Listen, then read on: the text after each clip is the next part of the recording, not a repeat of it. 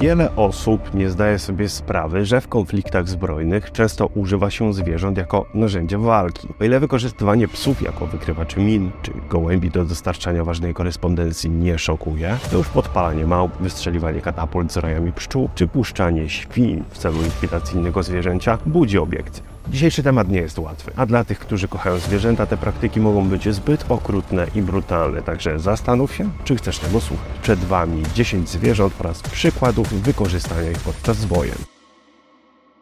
10. Pszczoły. Większość ludzi nie lubi pszczół, a ich dźwięk powoduje momentalny niepokój i czujność. Przez całą historię ludzie unikali urządzeń owadów. Dlatego po wynalezieniu katapult szybko pojawił się pomysł, by wprowadzić użycie uli jako broń wojennej. Ule były katapultowane z jednego okrętu na pokład innej jednostki lub na mury miast. W XIV wieku wynaleziono urządzenie przypominające wiatrak, na którego ramionach znajdowały się roje, które były wystrzeliwane w kierunku przeciwnika, skutecznie obsypując wrogie oddziały bardzo złośliwymi owadami. Numer 9. Szczury. W przeszłości Brytyjczycy wykorzystywali szczury w roli broni wybuchowej. W jednej z misji agenci Special Operatives Executive zlecili laboratorium dostarczenie 100 szczurów, które miały być wypełnione materiałem wybuchowym. Oczywiście szczury były martwe w momencie napychania ich środkami wybuchowymi, a następnie zszywane. Plan zakładał umieszczanie szczurów bomb w pobliżu kotłów węglowych. Kiedy były odkrywane, naturalną reakcją osoby obsługującej kotłownię było wrzucenie ciała szczura wraz z węglem do pieca. W rezultacie kotłownia wysadzała się w powietrze, niszcząc znaczącą część budynku. Numer 8. Skorpion. Każdy, kto mieszka w pustynnym klimacie w pobliżu skorpionów, wie jak bardzo uciążliwe mogą być te małe pajęczaki. Urządzenie skorpiona jest bardzo bolesne. Może powodować problemy z nieregularnym odytychaniem i biciem serca, ale poważniejsze skutki uboczne są rzadkie, choć oczywiście możecie to zabić. W II wieku rzymski cesarz Septimus Severus oblegał Mezopotamię. Kiedy dotarł do miasta Hatra, próbował ze swoimi wojskami przedostać się przez mury twierdzy, ale musieli oni uznać wyższość nietuzinkowej broni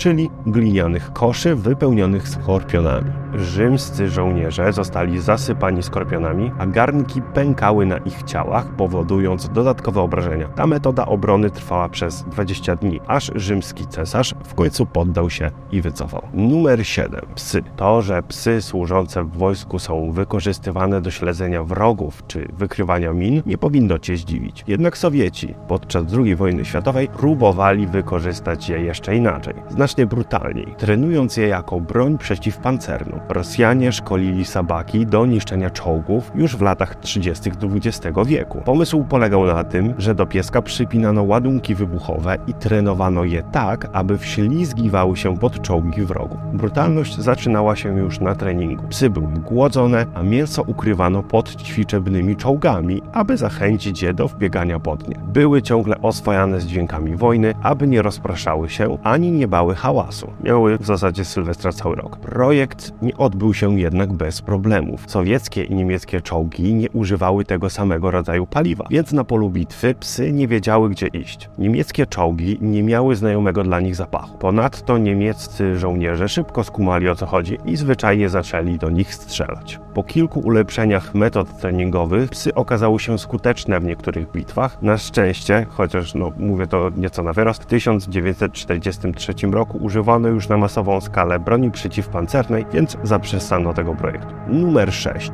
Nietoperze. Ta historia brzmi jak scenariusz filmu sensacyjnego. Pewien pensylwański dentysta zaproponował podpalenie Japonii. Do tego celu chciał wykorzystać tysiące nietoperzy. W 1941 roku Lytle Adams przekonał rząd USA do swojego szalonego planu. Po ataku na Pearl Harbor Adams wpadł na pomysł, żeby małe urządzenia zapalające zostały przymocowane do nietoperzy, a następnie uwolnione nad miastami w Japonii. Nietoperze miałyby dostać się do strychów i pod okapy budynków, gdzie urządzenia zapalające zostałyby zdetonowane. Pomysł Adamsa miał jednak wiele problemów. Transportowanie i uwolnienie nietoperzy okazało się problematyczne. Projekt przyniósł wiele niepowodzeń, a nawet doprowadził do pożaru całego hangaru lotniczego. Po wydaniu 2 milionów dolarów projekt został anulowany. Numer 5 Delfiny. Delfiny poza zwiększonym popędem seksualnym są też bardzo mądre, co człowiek wykorzystał oczywiście do własnych celów wojskowych. W 2016 roku rząd Rosji ogłosił publicznie, że poszukuje pięciu delfinów bojowych, które chciałby kupić. Wymagano, aby delfiny były fizycznie nieuszkodzone i miały doskonałe zęby. Kraj ten wykorzystywał delfiny do różnych celów wojskowych od czasów zimnej wojny. Wówczas stosowano je do wykrywania okrętów podwodnych i flagowania min. Rosja nie jest jedynym krajem, który chciał i wykorzystywał delfiny w czasie wojny. Amerykanie już od 1960 roku szkolili delfiny żołnierzy. Program szkoleniowy dla ssaków morskich marynarki wojennej posiada 85 delfinów z San Diego w Kalifornii. Zwierzęta wykrywają miny podwodne, w tym te, które są ukryte na dnie oceanu. Potrafią odkryć obecność wroga w wodzie i ostrzyć wojsko o nadchodzącym ataku.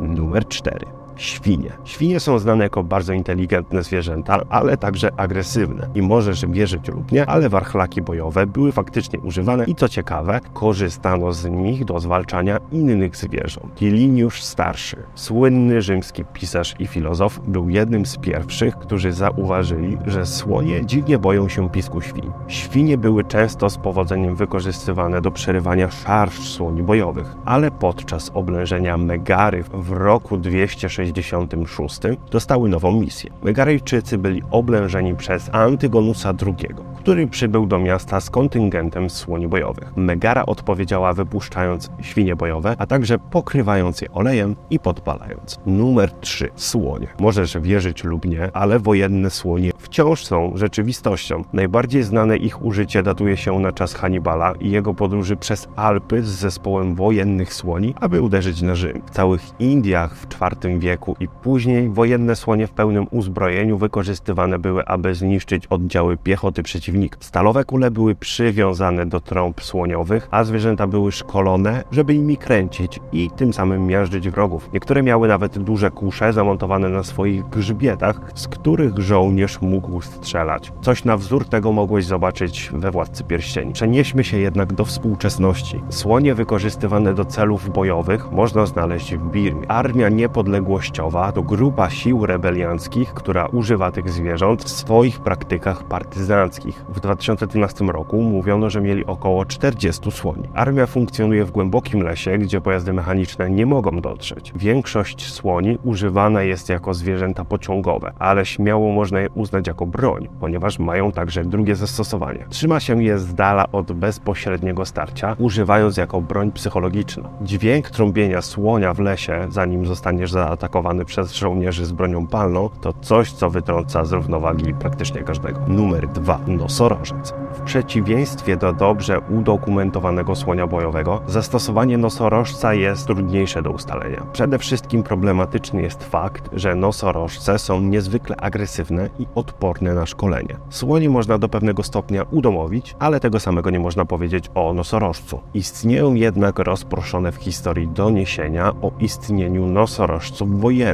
Problem w tym, że nie są one na tyle wiarygodne, by można było z jakąkolwiek dozą pewności twierdzić, że taka rzecz naprawdę miała miejsce. Są też dzieła sztuki z lat 1500-1600, które pokazują nosorożce w zbrojach, ale może być to po prostu fantazja, a nie jakakolwiek realistyczna interpretacja tego stworzenia. Więc przy temacie nosorożców stawiam wielki znak zapytania. Numer jeden. Małpy. Jeżeli mieliście okazję być w jakimś azjatyckim kraju, to wiecie na bank, że małpy bywają naprawdę wredne. Potrafią zabrać telefon, swobodnie chodzić po całym twoim ciele, a nawet wejść ci do kieszeni.